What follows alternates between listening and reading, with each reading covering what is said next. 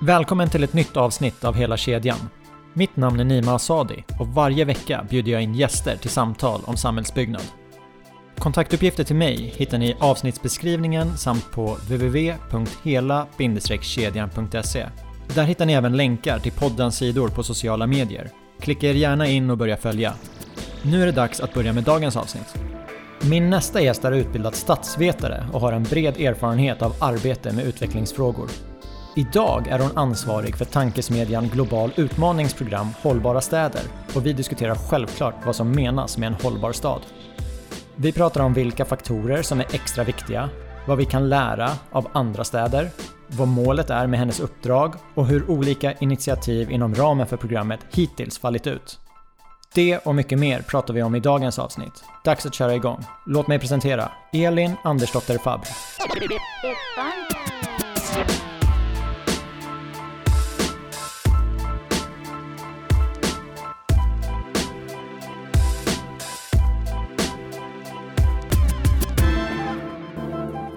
Varmt välkommen till podden Elin. Tack så mycket. Du, i min gästbeskrivning så har jag skrivit att du är programansvarig på tankesmedjan Global Utmaning för ett program som heter Hållbara städer. Stämmer det? Det stämmer alldeles utmärkt. Och då har jag ju en fråga direkt. Tankesmedja, vad är det för någonting? Är inte det samma sak som lobbygrupp? Eh, nej, det är det absolut inte. Eh, och det finns ju säkert väldigt många svar på den frågan. Men vi, brukar, vi är framförallt en tankesmedja som arbetar för hållbar utveckling. Så det ska vi väl ha sagt först. Det finns ju tankesmedjor som arbetar för andra eh, frågor eller, eh, eller ja. Eh, men, men det man kanske först ska ha i, i bakhuvudet är väl hur finansieringen ser ut, vilken huvudman som står bakom.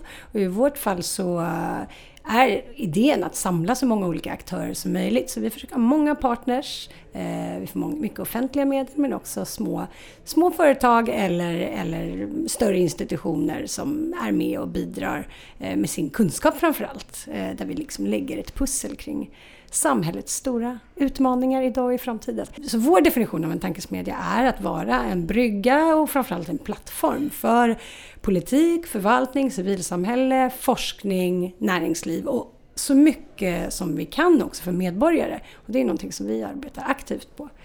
Att vara programansvarig för ett program med fokus på hållbara städer, det tycker jag låter jättespännande. Men jag tänker att vi backar bandet. Mm. Vad, vad är det du har uträttat i din karriär för att eh, få ett sådant uppdrag?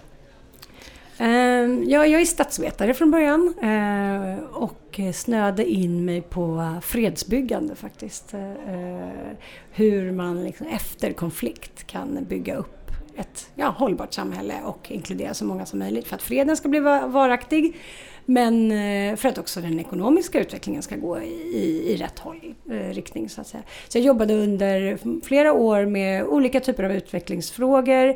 Eh, både inom FN, eh, inom utrikesförvaltningen på RK eh, och inom civilsamhället mycket.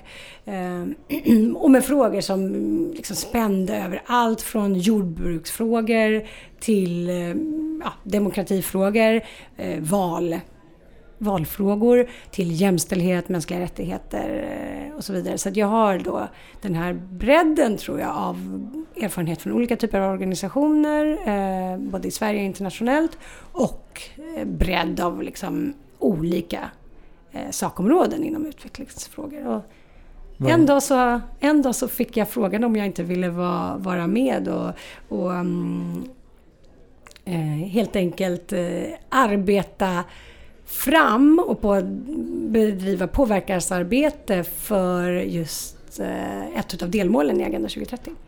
Eh, tillsammans med FN, eh, en svensk stiftelse och, eh, och ett stort globalt, bygga ett stort globalt nätverk för eh, hållbara offentliga platser och det skulle få en plats i våra globala agendor helt enkelt. Både då Agenda 2030, inom Parisavtalet och den nya urbana agendan som sen blev den, den tredje hållbarhetsagendan kan man säga på, på F, som klubbades igenom i, inom FN. När var det här i tiden? Att du började med det här? Det här är, ja men det är väl sex, sju år sedan. Eh, som jag verkligen har arbetat med urbanfrågor och har blivit övertygad om att det är där, det är där en av de stora utmaningarna ligger men det är också där vi hittar lösningarna för att städer i stor utsträckning går före många företag som är lokalt baserade går före. Eh, men det är ju faktiskt till syvende och sist så att eh, 70 procent av utsläppen sker i våra städer. 70 procent av energiförsörjningen förbrukas, energin förbrukas i våra städer. 70 procent av BNP, om man nu gillar BNP-måttet fortfarande, eh, genereras i våra städer. Så det är ju där både utmaningen och lösningen ligger. Det sa ju både John Eliasson och Ban Ki-Moon att uh, “Cities is where the battle for sustainable development will be won or lost”. Och det stämmer verkligen. Jag har ju märkt en förändring i min vardag. Jag hör ordet hållbarhet mycket oftare idag än för mm. åtta år sedan. Mm. Och vi vet att ja, men hållbarhet är social, det är ekonomisk, det är ekologisk. Mm. Det vet vi. Mm. När du pratar om hållbara städer, mm. vad tänker du på då? Kan du nämna några specifika delar? Jo, men jag tycker att det sammanfattas väl i då det här delmålet som finns i Agenda 2030 som mål nummer 11. Eh, där man pratar liksom om att städer och bosättningar ska vara inkluderande, säkra, motståndskraftiga och hållbara. Och man skulle ju självklart kunna lägga till flera adjektiv där. Men, men bara eh, för att ta inkluderande till att börja med knyter ju väldigt väl an till eh, mottot för agendan. Liksom, Leave no one behind. Alla ska ha sin plats. Eh, och det för att det är det enda försvarbara å ena sidan men det är också det enda som är ekonomiskt eh, smart helt enkelt. Eh, men sen pratar vi ju liksom om det här mycket om, om det är ett annat buzzword kanske, om vi har pratat om hållbara så är det så här med motståndskraftighet och resiliens verkligen på, på agendan. Och eh, det handlar ju inte bara om att bygga att våra städer och våra samhällen ska klara av eh, olika eh, ja, men naturkatastrofer till exempel. Det handlar ju också om att, eh, att, eh, ja, men så att de inte får så stora konsekvenser. Det handlar ju också om att de inte ska ske överhuvudtaget. Så det är liksom en dualitet i det begreppet. Så att, um, ja, jag vet inte om det var svar på din fråga. jo, men det tycker jag. Men jag tänkte på det här med inkluderande. För det mm. kan många relatera till. Mm. Finns det något exempel på en funktion eller en utformning som är bra för, ett, för en inkluderande stad? Eh, lyckas man utveckla platser där många människor, så många människor som möjligt rör sig på så många timmar under hela dygnet som möjligt så skapar det till exempel ökad säkerhet. Ehm, lyckas man hitta eh, och designa sittplatser, något så banalt som sittplatser, så kommer du per automatik eh, locka till dig fler tjejer än killar. För att tjejer eh, hänger. Tjejer vill hänga. Eh, Medan killar ofta har lärt sig att de ska vara aktiva i det offentliga rummet. Liksom. Så att, eh, ett upplyst torg? Ja, ett upplyst torg till att börja med men framförallt ett, platser där tjejer kan sitta umgås, dela med sig av sina erfarenheter, starta business tillsammans, göra liksom, ja, kreativa konstutställningar kan det till och med. Det är så mycket som händer i den här hängmiljön som inte premieras och inte har eh, studerats och inte har förståtts. Eh, för att det inte anses vara någonting som är aktivt och då faktiskt inte syns. Eh, så det kan vara mycket mer än det. Så just platser att uppehålla sig på där man faktiskt kan sitta i mindre grupp till exempel. Kan man se skillnader på stadsutvecklingen för 100 år sedan jämfört med de senaste 10? Att eh, man jobbade mer med öppna ytor och så för 100 år sedan och det nu är mer fokus på att vi ska exploatera så mycket det går? Eller är det bara något jag har i mitt huvud? Ja, men visst kan man göra det, men jag tror att frågan är ännu intressantare om du ställer den med liksom 50 års perspektiv. Okay. 50, 60, 70, ja, efterkrigsperspektiv. Eh, jag tror att vår stadsutveckling idag och den Eh, kunskapen som man nu någonstans tar tillbaka påminner mycket mer om hur man tänkte eh, i 1900-talets början, vid 1900-talets början, än eh, under efterkrigstiden. Ehm, så hela alltså modernistiska och funktionalistiska vågen är ju någonting oavsett vad mm, enskilda arkitekter eller eh, stadsplanerare eller designers må tycka. Någonting som faktiskt har bidragit till de utmaningarna som vi ser idag. Våra miljonprogramsområden till exempel. Och stora ytor, eh, stora huskroppar, eh, långa avstånd. Allt det här som går stick i stäv med eh, god stadsutveckling som vi faktiskt vet att det bör, den bör se ut. Och det som vi uppmärksammar mer och mer nu, eh, men som vi under flera decennier inte har talat om, är ju just hur bilen fick ta över som, som behovsägare nästan i det. Eh, inte bara i det offentliga rummet men, men eh, i, i stadsutvecklingen som stort. Liksom. Och, och att vi då ser, och det är det som är också en del av um, anledningen till att vi startade upp det här projektet som fick stöd från Vinnova då som en social innovation mot segregation. Att vad händer om vi då till skillnad från att planera staden utifrån, nu är jag kontroversiell, vita medelålders, minst medelklass män och deras eh, bilar. Eh, om vi då istället planerar utifrån en ung tjej som faktiskt bor i en förort eh, med ganska små ekonomiska medel. Liksom, eh, blir resultatet annorlunda och det är det vi börjar se att det verkligen blir. Men att just det som kommer ut när de här tjejerna får vara med tillsammans med experter att definiera utmaningarna, titta på prioriteringar och till och med designa lösningar. De designar ju eh, i Minecraft tillsammans med FN gör vi. Och Block by Block som är en eh, jätteintressant organisation. Eh, helt enkelt egna designförslag för i det här fallet Fittja och omnejd. Ehm, då ser vi liksom att de förslagen som kommer ut gynnar i princip hela samhället design av tjejer för tjejer gynnar hela samhället. Mm. Det går lite emot det man hör att eh, men alla ska vara med. Ja men tjejerna är ju pusselbiten som saknas. Som aldrig är med. Eh, och eh, vi jobbar ju mycket utifrån att inte rasera utan att komplettera.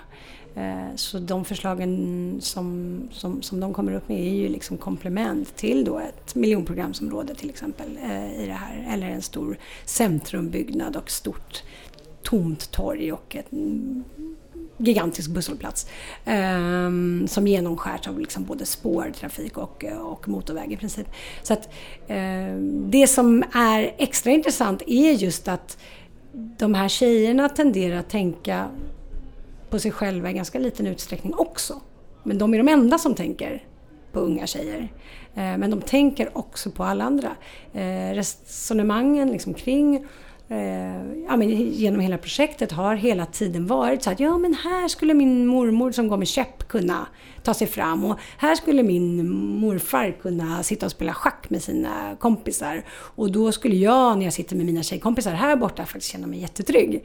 Eh, eller här kan jag gå och leka med min lillebror eh, och så vidare och så vidare och så vidare. Så att nej, det, det är vår erfarenhet. Eh, sen krävs det såklart fler liknande exempel för att eh, evidensbaserat liksom fast, färdigställa liksom, eller fastställa att det är så det ser ut generellt. Vi ska inte generalisera allt för mycket men helt klart pekar det på det.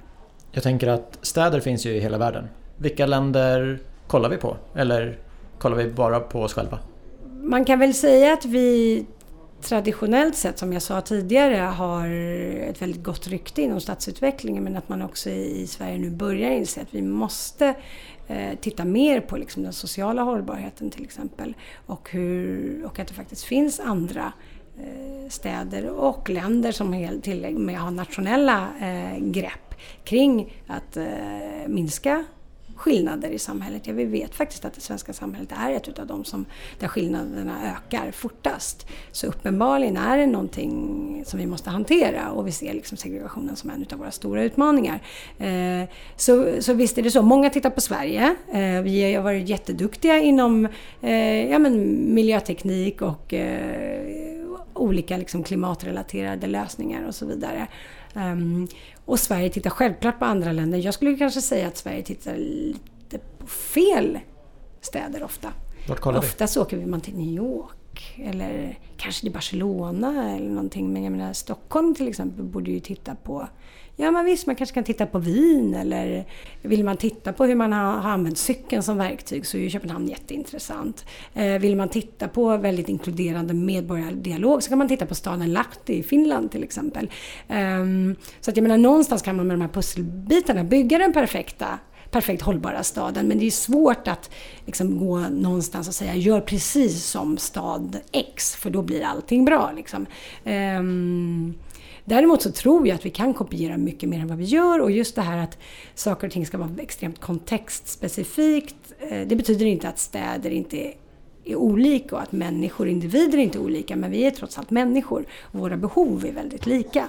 Eh, och städer, topografi och läge och så kan ju skifta men ofta så är ju poängen med en stad att samla resurser och eh, eh människor och eh, affärstillfällen, eh, arbetstillfällen och så vidare och så vidare på ett liksom resurssnålt och smart sätt liksom i på samma plats. Så det har ju alla städer gemensamt. Så jag tror verkligen att vi kan kopiera varandra mycket mer och istället för att uppfinna hjulet bygga vidare där någon har, har varit framgångsrik och liksom som vi ofta i Sverige är duktiga på, att vidareutveckla den idén.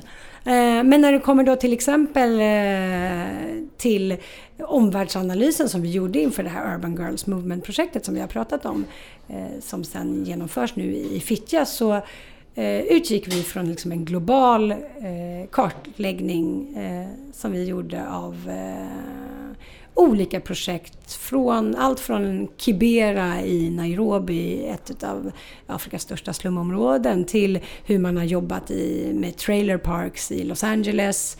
Eller hur man jobbar med att få tjejer att cykla i Indonesien. Eh, så att där byggde vi liksom mycket kunskap eh, från länder och städer där jag tror att många av våra liksom, urbanistkollegor liksom aldrig ens kunde tänka sig att det faktiskt fanns väldigt smarta lösningar på extremt komplexa frågor som då här just jämställdhet, jämlikhet, urbanisering och så vidare och allt i ett på samma gång. Du nämnde Fittja nu som är mm. en kommun eh, utanför Stockholm. Har de samma utmaningar som ja, men Vasastan, det är en stadsdel i centrala Stockholm? Ja precis, Fittja ligger ju en av områdena i Botkyrka kommun. Eh, och eh, på sätt och vis kan vi säga att man faktiskt har det. Eh, För jag tror ju att hade du gått till eh, Stadshuset och bett eh, Vasastan kolla på trailer parks i Los Angeles eller en by i Afrika. Hade inte de avfärdat det som floskler? Att det varit väldigt långt ifrån deras verklighet? Nej men det är ju där vi som tankesmedja bygger vår kunskap på forskning eller på goda exempel när det inte finns forskning. Och så drar ju vi liksom policyrekommendationer av dem. Så att det är ju inte så att vi säger till Stockholms stad att ja men gå och gör som eh, den här organisationen som heter Kukui Design Initiative som är en liten idealorganisation har arbetat då i slumområden eller i trailer parks. Gå och gör precis som de har gjort. Utan det handlar ju om att eh, de har till exempel varit kapabla att bygga väldigt inkluderande processer där då kvinnor och tjejer har fått en ledande roll och fått stort inflytande eh, över designprocessen till och med. Sen. Så det är den typen av riktlinjer vi drar som Tankens Media. Eh, men eh, precis som, som, du, som du frågade så, så tror jag, eller tycker jag att vi ska prata mer om liksom segregation till exempel då från olika håll. Ja, Vasastan är precis lika segregerat, kanske mer till och med, det ska jag ha osagt, än Fittja. Det är ju bara att det är från två olika håll. Jag menar, det, är ju, det säger ju många fastighetsutvecklare som jag vet att du pratar med eh, och, och bolag att det är ju faktiskt mycket lättare att bygga bostadsrätter i Fittja än att bygga hyresrätter i Vasastan. Så att eh, jag tror att det, det är väl svar på din fråga. Ja, Urban Girls Movement mm. Eh, som ni fått en hel del publicitet eh, på. Det går ju ut på att en, en stad som planeras eh, för tjejer fungerar för alla. Mm. Sverige hamnar ju ofta högt upp när FN rankar ja, men, jämställdhet. Sticker inte lite i ögonen då när ni inför ett projekt med bara tjejer eftersom att städer inte planeras för tjejer i Sverige? Ja, det sticker enormt mycket i ögonen. Eh, till innan vi började så fick vi ofta kommentarer som ”Jaha, vadå, ska ni designa rosa träkojor utanför centrumbyggnaden nu, eller? Eh, och nu är det framförallt många ja, forskare skulle jag säga som också är ganska upprörda och kommer till mig och säger ja, men vad, vad är killarna då? Det vi har gjort här är ju helt enkelt att vi har riggat en process där unga tjejer eh, är, utgör hälften av deltagarna. Eh, men vi vill ju inte att vi vill ju inte arbeta med någonting som inte går att implementera i verkligheten. Så, att, så ser ju inte verkligheten ut. Så de jobbar ju i, parallellt med och i samarbete med en lika stor grupp av experter som är då arkitekter, forskare från bland annat kommunen, eh, eh, experter på barnrättsfrågor eh, och så vidare. och Så vidare. Så att det handlar ju också om att de här grupperna ska bli bättre på att arbeta tillsammans. Liksom. Eh, så att eh, visst, det sticker tydligen i ögonen men när man liksom sakligt förklarar att när flickor och pojkar leker på våra lekplatser upp till, jag tror det är ja, sådär åtta års ålder, då gör de det på lika villkor. I, när de kommer upp i tioårsåldern och ännu mer i tonåren så tas det offentliga rummet över av pojkar till 80 procent. Samma sak när vi tittar på kollektivtrafiken. Jag menar, män, alltså de ensamma bilisterna är män. Det är inte kvinnor, mammor, tanter, unga tjejer. Det är de, de åker kollektivt, de går eller cyklar. Har vi några goda exempel från eh, projektet i Fittja? Ingen rosa träkoja, men har det kommit fram någonting annat bra som du kan nämna här? Ja, men det har kommit fram jättemycket intressant och faktum är att vi just idag kommer sätta oss tillsammans med expertgruppen och tjejerna och liksom prioritera och eh, ta fram rekommendationer till liksom potentiella utförare eh, för vad som verkligen bör tas vidare. Men jag är väldigt förtjust i ett exempel som de har kallat för Pink Street till exempel. Tänk dig en... Eller det man konstaterar är att Fittja är en plats där det finns ganska mycket men det är svårt att hitta och det är osynligt till och med för de som faktiskt kan platsen. Eh, så det var en av lösningarna. Att tänk om man målar, och så är den grå och tråkig dessutom. Tänk om man målar som en, eller rullar ut som en röd matta kring hela, runt hela Fittja. Där till varje butik så går mattan in helt enkelt. Så istället för att göra det enkelt så var ju tanken att man då ska måla det här. Och där man till och med kan skriva, ja men pil här, här är apoteket, här är biblioteket och så vidare. Så det är ju någonting som jag är väldigt förtjust i och tycker är väldigt tydligt, bra komplement till den befintliga bebyggelsen och eh, något som skulle vara extremt eh, billigt att genomföra men som jag tror skulle få stor eh, genomslagskraft. Det tjejerna sen har gjort är till exempel att de föreslår att man ska flytta busshållplatsen för att den utgör en säkerhetsrisk. Man springer från en busshållplats till en, andra, en annan eh, på andra sidan av torget och där sker det ofta liksom, ja, risker för påkörningar och så vidare. Så de har flyttat hela busshållplatsen och det är ju väl så långt ifrån en rosa trädkoja man kan komma tycker jag. Dessutom har man planterat träd i varje, eh, håll, eh, varje hållplatsficka för, som kolsänkor då helt enkelt. Så då har man ju tänkt på det också. Och det är ju tjejer från 14 till 25 så att vissa är ju väldigt unga och då har de ju ändå liksom redan kunskap och intresse för de här frågorna vilket är imponerande. Sen finns det andra exempel som handlar mycket om just som jag sa till det tidigare här, det här med att platser som man kan uppehålla sig på, vara på och umgås på. Ehm, och då till exempel har de designat något som vi kallar för aktivitetskuber. Eh, som är liksom, ja, men platser där man kan låna böcker. Det är som små växthus där man kan gå in, sitta och läsa en bok. Eh, eh låna ett spel till exempel eh, för lokal konst i Fittja. Eh, eller ett stort växthus har de designat också där man både ska finnas då odling, eh, café och radiostation. De här tjejerna vill göra radio. Jag vet inte om det är radio så som jag är uppväxt med eller om det är en annan typ av radio. Ja, det är poddar kanske och, och så. Och ha den typen av liksom infrastruktur för att kunna också dela med sig av sin musik. Eh, både för liksom Fittja men också att försöka vara med och vara ambassadörer för sin plats och visa att det finns faktiskt annat här än vad ni i resten av Sverige tror. Ehm. Hur, hur, har det funkat? För att göra en nulägesanalys, det är ju det är jättebra att komma med förslag på förändringar. Mm. Hur har processen sett ut för att faktiskt få igenom förändringarna? Att flytta en busstation, att måla på gatorna.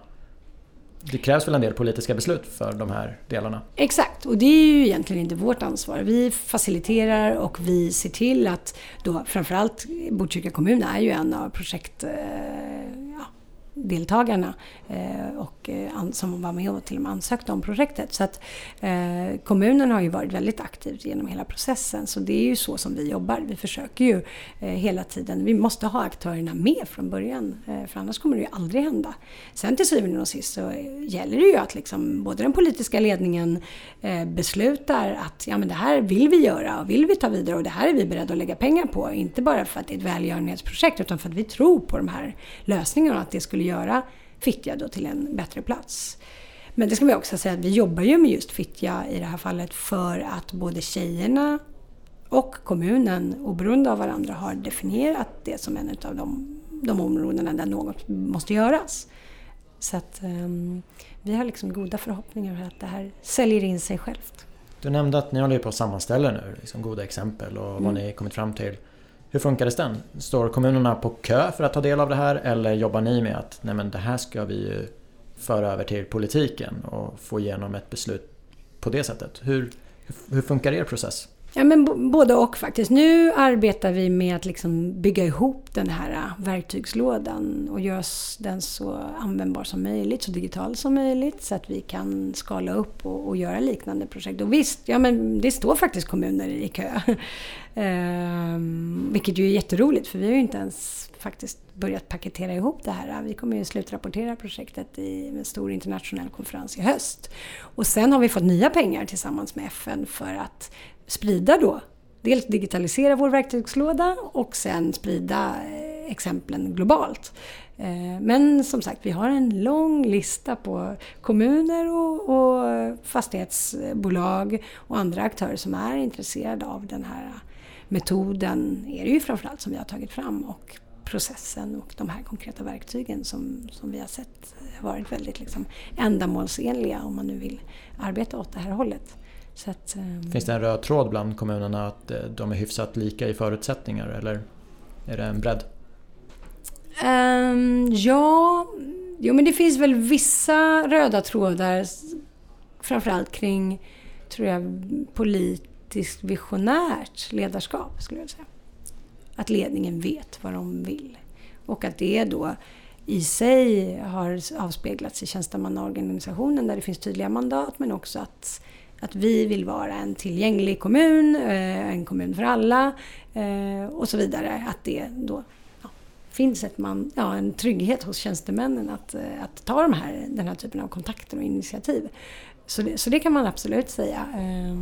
Sen är det ju väldigt olika kommuner men jag tror att de som ser, där utmaningarna är uppenbara, ser ju det här som ett kanske smart och resurseffektivt sätt att liksom komma till rätta med många, många problem ja, samtidigt helt enkelt. Och där resurserna faktiskt är begränsade. Där man inte kan lägga liksom, tusentals kronor i timmen på liksom, dyra konsultarvoden. Liksom, då är det såklart bättre att samarbeta med en ideell förening eller en liten tankesmedja som vi och FN. såklart. När jag tänker på social hållbarhet och, mm. och, städer så vissa saker är för mig självklara. Men om det är mörkt på kvällen då kanske man inte vågar gå ut. Det, ja. det känns inte tryggt. Om man inte har en i mitt fall fanns det ju en skolgård där alla barnen mm. kunde samlas. Men finns det inte en sån, måste man korsa en väg. Sådana utmaningar. När vi suttit och pratat så vi har ju nämnt trailer parks, eh, slumområden, det var innan vi satte på mikrofonerna. Och då blir jag gärna så här, men vad har vi för nuläge i Sverige? För i mitt Sverige, det jag är uppvuxen i, fanns inga trailer parks. Det fanns ingen slum. Behöver jag omdefiniera min bild av nuläget? Jo, men det tror jag att du behöver göra till viss del. Men jag tror också att det handlar mycket om definitioner. Eh, som jag sa till dig innan vi satte på mikrofonerna så hade vi en jätteintressant eh, konferens förra veckan. Stockholm Urban Forum som just handlar om hur Stockholm som region eh, och kommunerna i Stockholm ska kunna genomföra Agenda 2030 med stort fokus på mål 11 då. Såklart. Och då var det faktiskt en av frågorna från deltagarna till Statistiska centralbyrån som jag har ja, tolkat FNs eh, delmål och eh, indikatorer för Sveriges räkning och dels gjort liksom rapportering hur vi ligger till idag. Eh, men också vad vi, vad vi helt enkelt ska mäta och fokusera på. Och, så det blev ett litet meningsutbyte där mellan då före detta riksarkitekten den första som vi faktiskt har haft i Sverige eh, och, och Statistiska centralbyrån där man då från deras håll helt enkelt har eh, sagt att det första målet, eh, delmålet i mål 11, som handlar om ekonomiskt tillgängliga bostäder. Men där det finns en bisats som säger och slumområden. Eh, helt enkelt inte kanske är särskilt relevant för Sverige. Det är ju den tolkning man har gjort medan då eh, det sades emot friskt och hävdar att just det finns ju faktiskt romska tältläger till exempel. Så att vi kan visst säga att vi har slumområden å ena sidan. Eh, å andra sidan så beror det ju på vad man lägger i definitionen slum. När vi har jobbat med de här eh, delmålen och använder verkligen Agenda 2030 som verktyg för stadsutvecklingen, då har vi valt att omdefiniera slum till eh, särskilt utsatta områden eller utsatta områden eller eh, eftersatta stadsdelar. Jag menar, eh, kärt barn har många namn och jag tror att det är framförallt man vill komma till, eller liksom det man vill komma till i den här eh, formuleringen är ju just att visa på skillnaderna inom städer. Nu känner jag att jag är ute lite på halis, men jag har inte missat nyhetssändningarna där jag får höra att vi har ju dödsskjutningar i olika delar av landet. Och det är så lätt att säga att ja, men ge polisen mer resurser. Ja, jag kan också tycka det. Men en minst lika effektiv metod är ju det vi har pratat om. Att ja, men bygg en trygg stad, bygg en trygg miljö. Och eh, vi har nämnt eh, mål. Om vi träffas igen 2030, vad kommer du vara stolt över att Hållbara städer-programmet har bidragit till? Nej, men för det första så tror jag att den verkligheten som du beskriver eh, kan säkert också beskrivas på olika sätt. Eh, jag tror att, jag menar, glöm inte bort att jag är statsvetare. Eh, jag tror också att den bilden i viss mån överdrivs, eh, men också på vissa håll stämmer. Men, men det jag skulle vilja säga är väl snarare att eh, om vi tittar på Fittja då till exempel, som då är ett utav de här utsa särskilt utsatta områdena till, till och med i Sverige eh, Eh, som nu får särskilda resurser, polisiära resurser till exempel, eh, så ser vi ju, och det är ju den första observationen vi gjorde på plats, att ja, det, stod, det sker ju öppen droghandel vid ingången till centrum. Det står killgäng där.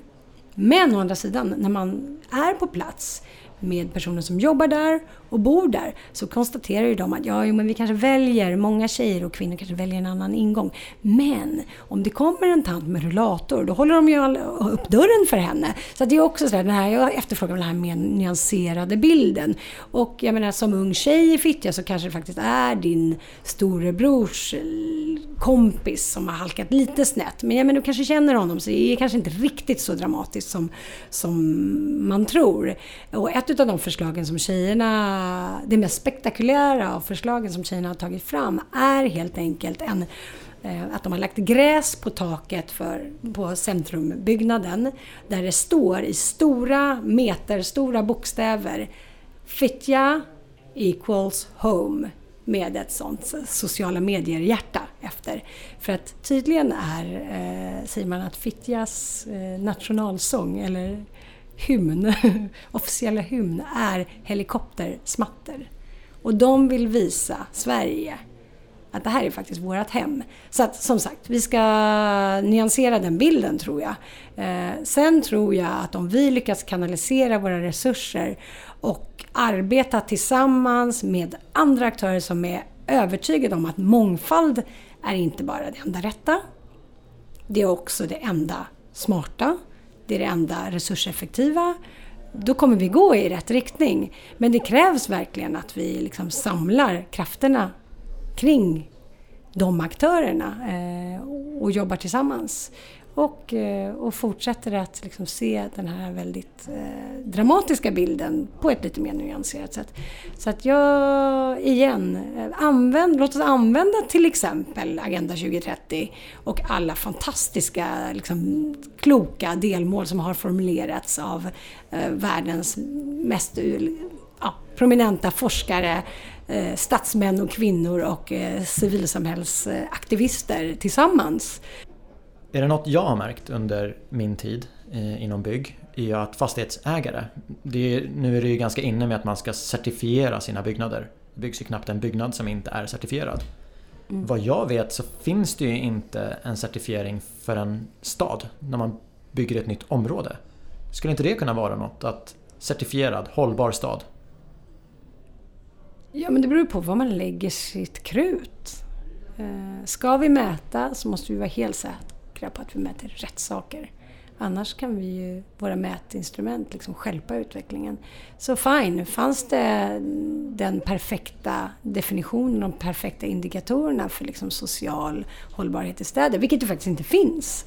Eh, och det finns försök, men precis som vi pratade om tidigare, ska man prata om liksom ekonomiskt tillgängliga bostäder och sen säga att jag menar, det handlar bara om trångboddhet, då är vi ju helt ute och cyklar, för det är ju inte alls det det handlar om, i alla fall i Sverige.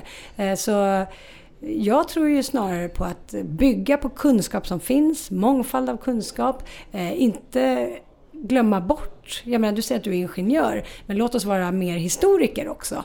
Eh, glöm inte eh, den kunskap som har funnits. Och precis som du sa tidigare, hur byggde vi städer för hundra år sedan? Och hur ser det ut idag?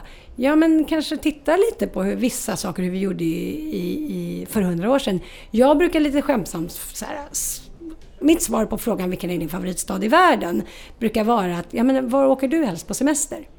Och då får man ofta sådana svar som, ja men Florens. Ja, vad gillar du i Florens? Till exempel. Och det tycker jag säger en hel del. Uh, så att... Um... Men jag, jag tänker att om inte ni kan ta fram en definition på vad som utmärker en hållbar stad och vad man ska mäta efter. Mm. Då kommer det vara ganska lätt att skapa sig en egen bild som inte alls rimmar med verkligheten och tro att man jobbar efter rätt värden. De här certifieringarna på byggnader, anledningen till att jag tror att de är så populära är att det står exakt, mm. energinivån ska vara så här mycket. Materialen ska vara certifierade enligt det här systemet. Då är det lätt att göra rätt. Ja, men det är ju i bästa fall någonting som enskilda organisationer i Sverige, eller i värsta fall kanske jag ska säga, något som enskilda organisationer har hittat på. Grundat på forskning, givetvis. Men jag menar, nu har vi en Agenda 2030 som är framtaget av alla världens experter tillsammans och som faktiskt ska hjälpa både oss och andra länder och städer att bli mer hållbara. Och där vi framför allt kan använda oss av de riktlinjerna där vi, liksom, där vi någonstans eh, kämpar för att hitta lösningar. Eh, ja, så en certifiering som faktiskt bygger på en globala riktlinjer skulle kunna vara intressant. Eh, men, men det krävs ju också sen att när man väl börjar mäta, att man mäter det man egentligen efterfrågar. Att man mäter den målsättningen som man har satt upp. Och tyvärr så blir det ju oftast ett glapp däremellan, för vad kan vi mäta? Det känns inte som att det är rimligt att den är införd 2030 i alla fall. Nej, men jag tror att vi kan lägga vårt krut på att samarbeta mer eh, olika aktör, samhällsaktörer tillsammans än att ta fram nya eh, hållbarhetscertifieringar, särskilt inom det sociala området. Men jag menar, visst. Tack för att du gästade, Elin. Tack så mycket.